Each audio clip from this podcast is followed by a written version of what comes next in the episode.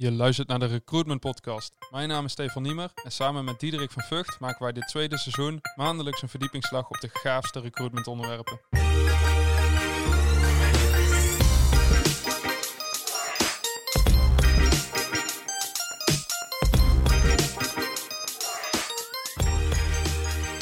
Diederik, wat is het meest gestelde vraag in de Facebookgroep Recruitment Buddies?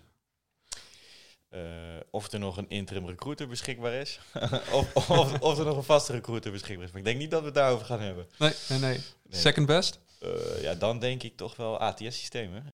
Als je dat niet geweten had, was het ook heel raar geweest. Hè? Dat we zo'n dagje plannen om, uh, om over recruitment systemen te gaan praten. Ja, precies. Je bijna denk je dat dit gemaakt is. Hè? Laten we eens beginnen. We gaan het vandaag over ATS-systemen hebben. Ook wel recruitment systemen genoemd. Ja. Ik denk dat het wel leuk is om even te beginnen met uh, wat is dat dan precies? Hè? Wat, uh, wat valt daaronder? Precies, want ATS inderdaad is zo'n term die je wel veel in recruitment hoort, maar niet iedereen kent natuurlijk ATS-systeem, dat is ook niet gek. Applicant Tracking System. Ja, precies. Eigenlijk de volgt kandidaat-systeem. Ja, precies, in het Nederlands vrij vertaald. Uh, dat is inderdaad een systeem waarin al je kandidaten binnenkomen en je ze dus kunt volgen tracking system. Uh, maar wat ook inderdaad volgens de Nederlandse wetgeving AVG goedgekeurd is als het gaat om uh, kandidaten volgen, doorsturen, uh, benaderen, kandidaten, talentpools bijvoorbeeld opbouwen en dat soort dingetjes allemaal. Ehm, dus, dus dat doe je eigenlijk allemaal in een ATS-systeem. Ja. Zou je eigenlijk kunnen zeggen als recruiter dat je niet meer zonder kan? Uh, ja, vind ik wel. Ik denk dat het wel de basis is. Het is, het is een stukje software wat, wat jouw werk als recruiter en ook als manager uh, een stuk makkelijker maakt. En uh, ook eenvoudiger. En wat je, wat je gewoon veel tijd gaat besparen als je dat hè, bijvoorbeeld in Excel of zo zou doen. Ja.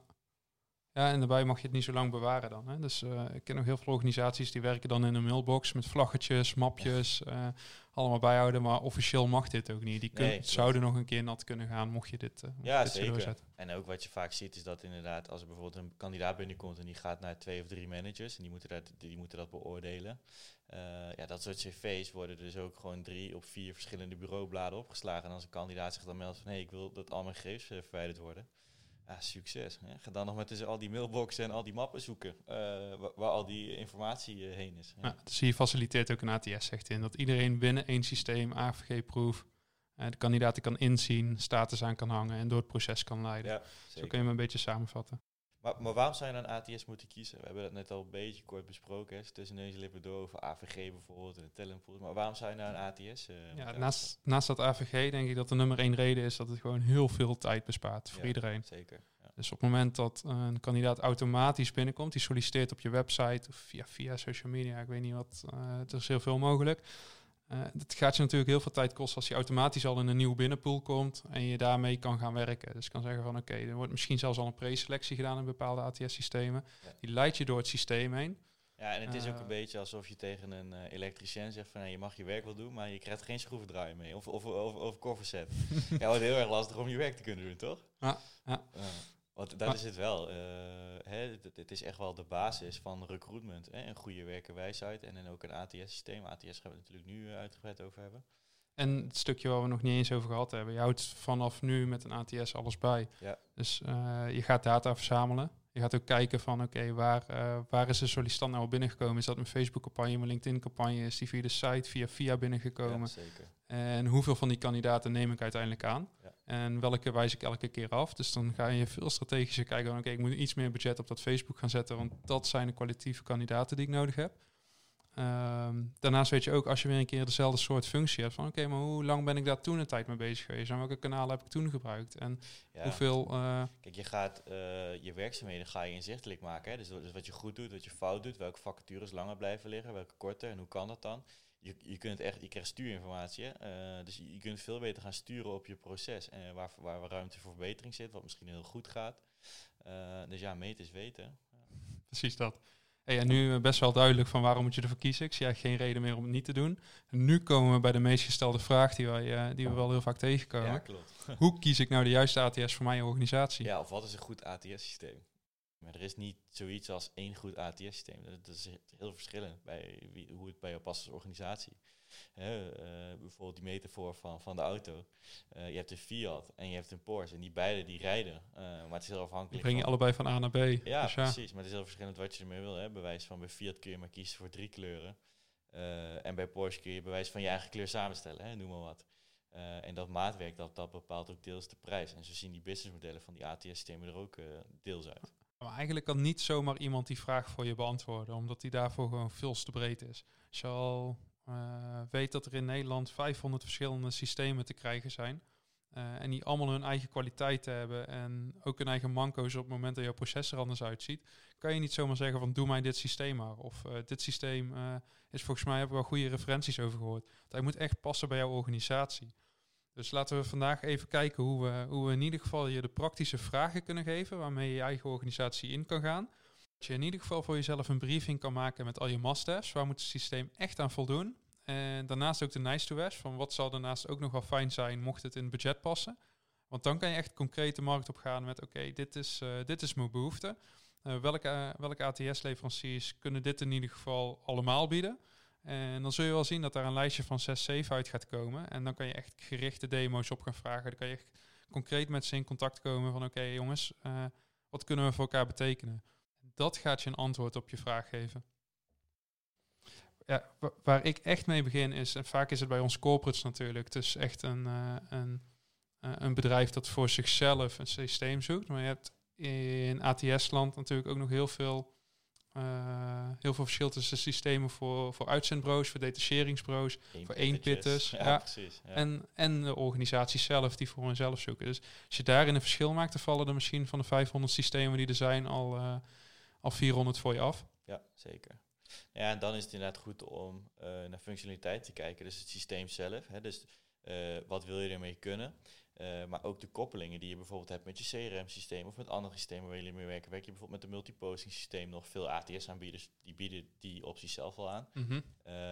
maar daar is wel belangrijk om naar te kijken. Dus met welke systemen werk je nog meer en, en hoe is dat te koppelen? Want daarmee vallen er direct ook al een aantal systemen af.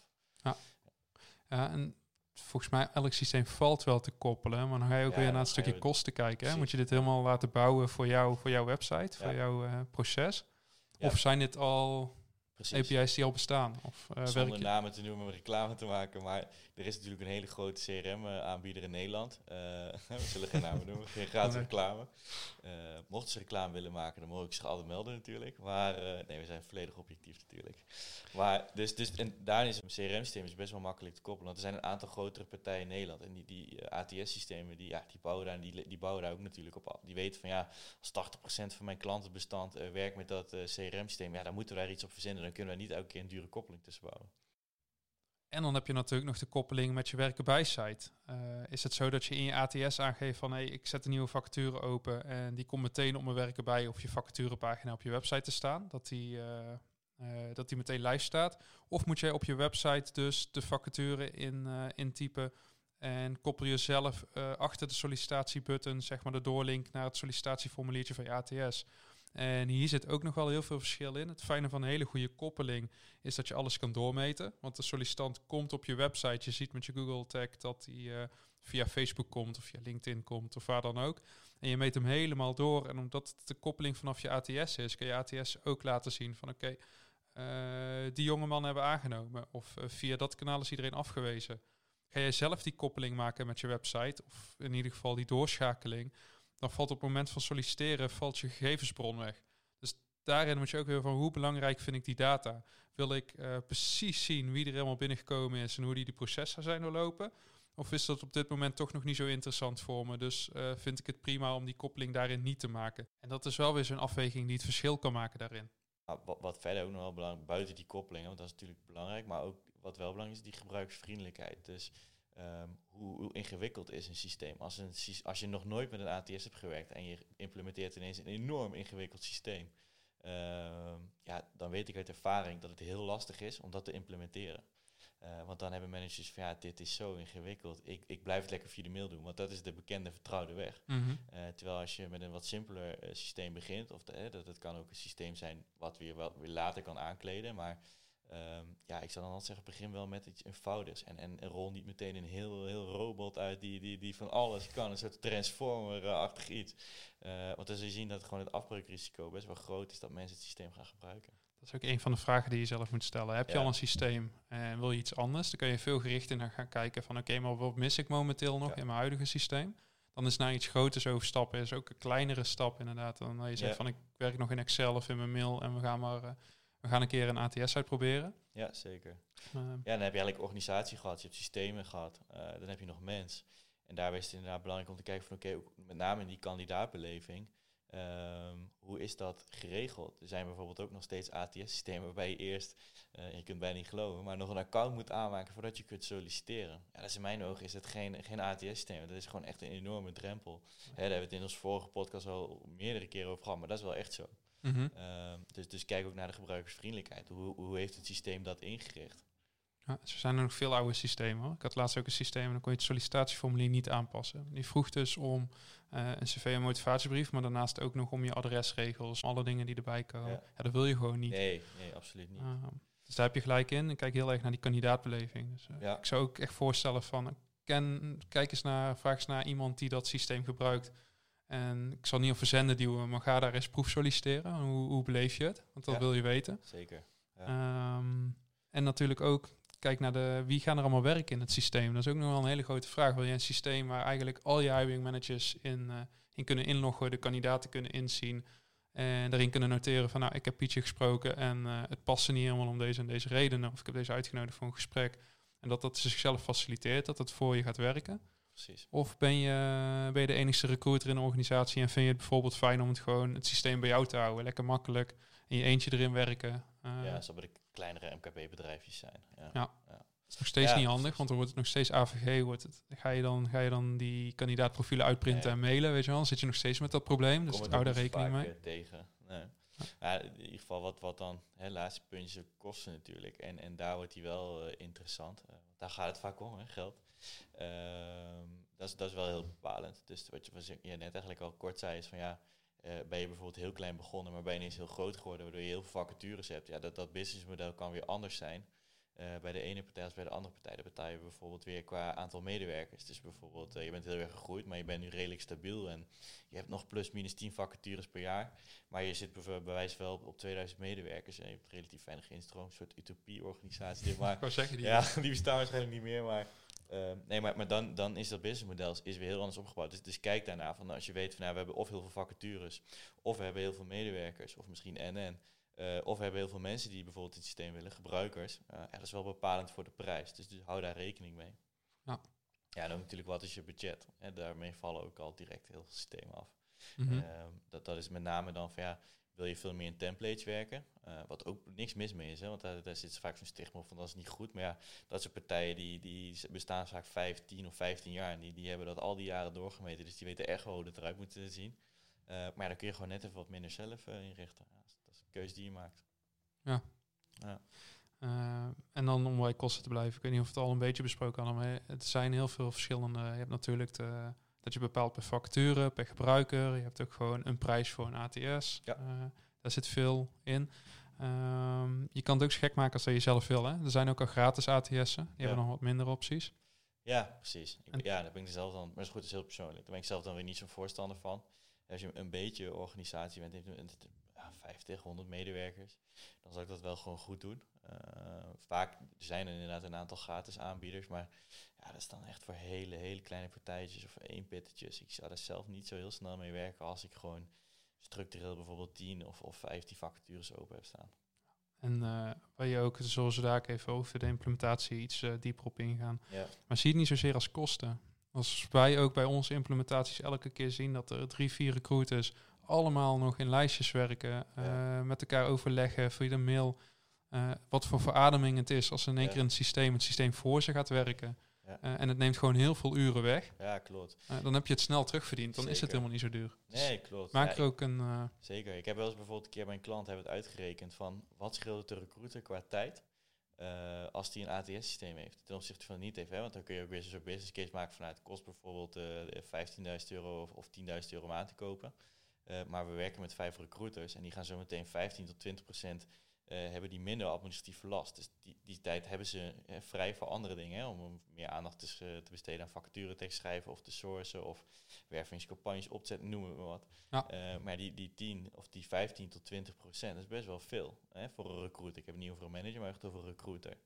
Ja, en dan is het natuurlijk wel interessant, want als je er vijf hebt zitten die eh 15 procent meer tijd hebben, dat is best wel eh, aardig geld. Hè? Dus, eh, ja. En wat je van de meeste recruiters zijn administratief vaak niet de grootste helden. Dus die, eh, de rol wordt ook veel leuker voor ze.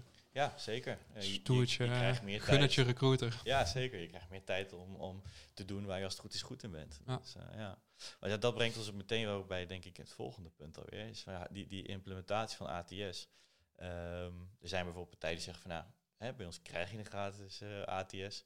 Eh, of eh, wij implementeren dat voor je. Maar vaak zie je nog dat dat, dat, dat toch ook nog wel wat vraagt van de organisatie.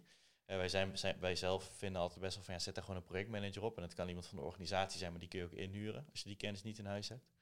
Ehm, misschien moeten we daar ook wel even bij stilstaan. Ja, het is niet alleen, je, je schaft niet een systeempje aan met de licentiekosten en, het, Nee. en het werkt. En het, ik denk dat voor, waarom wij zo voorstander zijn om daar een projectmanager op te zetten, is echt dat stukje eh, ownership dat iemand neemt. Maar ook eigenlijk de belangrijkste rol van diegene is niet eens echt het implementeren van als kandidaat binnenkomt, gaat hij van A naar B, maar meer eh, de hele organisatie erbij betrekken. Zijn ze dat jouw hiring managers, de mensen die de vacatures hebben binnen je organisatie, die dus in dat systeem moeten gaan werken.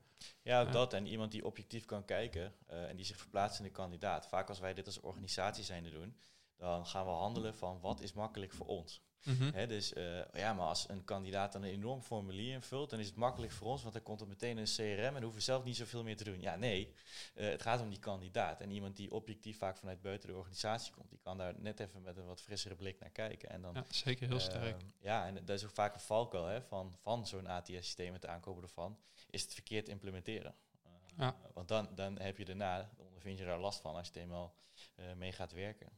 Dan heb je die kostenbesparing, kan ineens weer heel veel tijd gaan kosten. Ja, precies. Ja. Maar ook aan, eh, dat is echt een hele sterke natuurlijk. Kijk naar die kandidaatbeleving. Probeer daarin, eh, probeer erin mee te denken. Maar wat het ook is, als jij in één keer zegt van, hé organisatie, hier heb je een systeem, hier is je inlogcode en eh, succes. Ja, succes. Ga je niemand meekrijgen. Op het Nee. moment dat jij dus echt die projectgroep begonnen bent en zeg dan nou, eh, ehm, eh, betrek die hiring managers die erin gaan werken, betrek het stukje Ah, ICT, zeg maar, dat het dat vaak dat systeem beheert. Ja. Eh, vaak wel inkoop er iets mee te maken hebben. Maar op het moment dat je iedereen erbij gaat betrekken, dan, en je vraagt ook de input van deze mensen, dan hoef je niet altijd rekening mee te houden, soms vragen ook al genoeg. Nou ja, Ja. ik denk dat het goed is. Kijk, uiteindelijk kun jij als recruiter, jij werkt er ook in. eh, maar de mensen die er ook veel in werken, zijn bijvoorbeeld die hiring managers. Ja. Maar bijvoorbeeld ook de, HR de HR back-office of, of misschien een eh, recruitment medewerker. Eh, die werken heel veel in het systeem. En het is goed om die erbij te betrekken, omdat die net even weer andere dingen zien dan jij ziet. Omdat die op een andere manier bezig zijn met zo'n ATS-systeem of met een eh, werving- en selectieproces. Ehm, dus, dus vandaar dat het goed is om ook die erbij te betrekken. Ja, ICT spreekt denk ik voor zich hè, om die Mhm. erbij te betrekken. Ehm, maar bijvoorbeeld ook communicatie. Dus, dus wat worden de uitingen? Hoe willen we een vacaturetekst moeten gaan opstellen? Dat is vaak iets waar je ziet van ja, daar haak je ook communicatie bij aan. Zo kan je nog voordat je een systeem kiest, maak met deze mensen ook die briefing. Hè? Want wat jij net Ja. zegt, van op het moment dat jij HR eh, eh, Office erbij betrekt, die, die vindt misschien wel heel fijn dat er een eh, VOG-aanvraag gedaan kan worden vanuit zo'n Ja, systeem. precies. Zou je als recruiter misschien nog nooit aan Nee. gedacht hebben. Nee, En zo maak je een briefing en daarmee ga je ze daar naar buiten toe. We slaan volgens mij heel dat stuk over van wat- hoe ga je dat dan doen. Ik denk dat je die briefing moet opvragen, iedereen erbij betrekken, zodat die mensen het ook leuk gaan vinden en straks ook graag in dat systeem gaan werken. Dat vind ik heel erg key, dat het iedereen zijn systeem wordt. Ja, zeker. Dat moet, dat moet Maar- wel gewoon breed gedragen worden en daarvoor heb je commitment nodig. Eh, ik zat alleen niet, niet de projectgroep niet te groot maken, maar zorg dat je van elke discipline bijvoorbeeld één eh, iemand aanhaakt. Ja. Eh, vaak is er altijd wel een soort van coördinator of, of iemand die er net misschien heel veel mee werkt of net te veel meer ervaring mee heeft. Ja. En je krijgt hier dus dadelijk wel een lijstje met de functionaliteiten die je in een ATS wil zien. En daarmee kan je de markt op. En dan zou ik zeggen van, eh, dan zullen er echt niet heel veel partijen overblijven. Ja, de partijen die zeggen dat ze alles kunnen aanbieden, maar ik denk niet dat dat de partijen zijn die je moet willen hebben. We stonden er net al even stil bij, van dan wordt het te complex, te groot, te duur waarschijnlijk.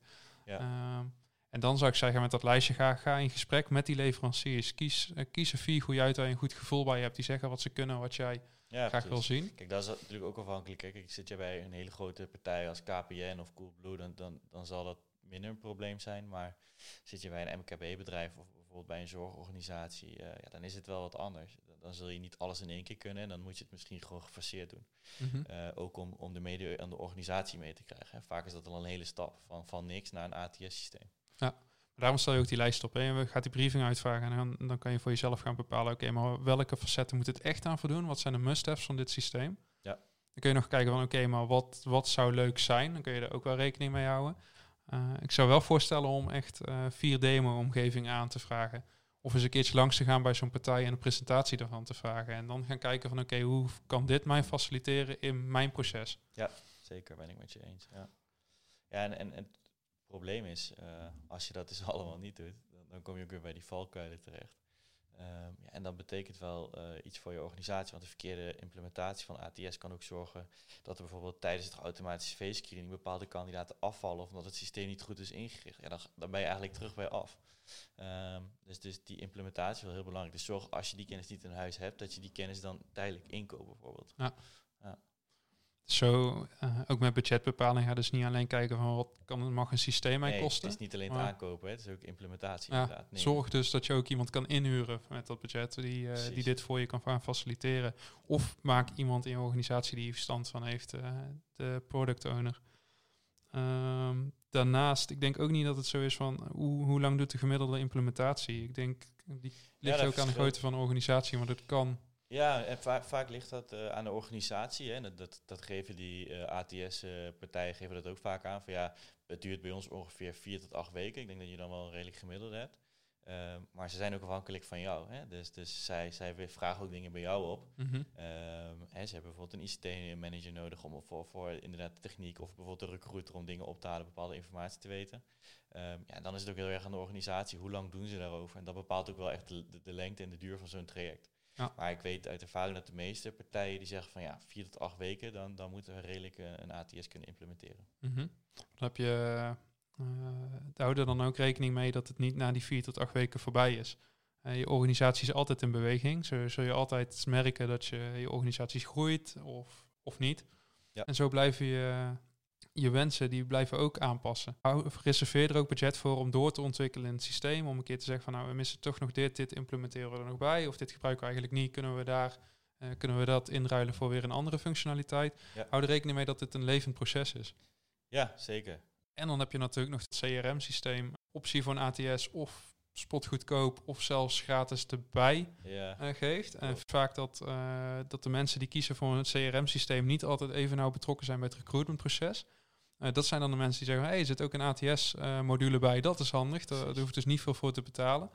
En hier lopen de meeste recruitment teams dus echt tegenaan. Want die moeten dus werken in een systeem dat er niet echt op gebouwd is. Die heel veel mankementen heeft aan de kandidatenkant. Die die candidate experience... Uh, ja, vaak gekozen vanuit de financiële prikkel van dit kost ons niks. Maar dat is niet helemaal waar. Uh, nou, geef je in zo'n situatie, ja. maak dan de business case op van hé, hey, wat mis ik? Ja, ook dat. En, en plus vaak als, als iets gratis is, hè, je krijgt dan zo'n werving- en selectiemodule erbij, dan moet die nog wel ingericht worden. En vaak is dat zo ingewikkeld dat je dat niet zelf kan. Dus dan moet je dus een consultant in gaan huren en dan ben je alsnog heel veel geld kwijt. Uh, en aan de achterkant, als je je organisatie, of aan de voorkant, als je je organisatie dan niet hebt goed meegenomen en je gaat werken met een systeem wat alleen maar vertragend en een hoop ellende meelevert, uh, ja, daar ben je alsnog niet bij gebaat. Dus, nee, ja. daarom. daarom. Volgens mij hebben we de mensen wel aardig meegenomen in um, de vraag wat is een goed ATS-systeem en hoe kies ik nou een ATS-systeem? Volgens mij, tenminste, ik hoop dat we dat wat hebben kunnen verduidelijken. Ja, ik ook. Ik denk dat we het wel lekker praktisch gaan hebben. Dus ga ermee aan de slag. Ga die vier pijlers die we net besproken hebben, ga die voor jezelf uitzoeken. Ja. En ga kijken van, uh, nou, ik ga het niet nog een keer allemaal opnoemen. Maar nee. ga voor jezelf die briefing maken van wat heb ik nodig en wie kan me daarbij helpen. En ik denk dat, ik spreek in ieder geval voor mezelf, maar ik denk voor jou ook, als we zeggen van, hey, wil je daar nou hulp bij? Uh, stuur ons gewoon eens een keer een berichtje op LinkedIn en, uh, of bel ons eens op. Ik denk dat we daar allebei niet te beroerd in zijn om vrijblijvend gewoon eens een keertje daarin te adviseren. Ja, zeker. Alleen maar leuk. Lijkt me leuk. ja, ja, zeker. Uh, dat, dat was hem. Dat was hem alweer, hè? Gaat snel. Ja, ik hoop dat we iedereen hebben een beetje kunnen meenemen inderdaad van ja, er is dus niet één goed ATS-systeem. Gaaf dat je hebt geluisterd naar onze recruitment podcast. Onze podcast is mede mogelijk gemaakt door onze podcastpartner. Podcastpartner, door We Achieve Recruitment Marketing en door Recruitment Now. Vond je het nu waardevol en denk je dat het nog meer vakgenoten kan helpen? Vergeet het dan niet te liken, delen of een review te geven. Hopelijk zien wij jou aankomende maand weer.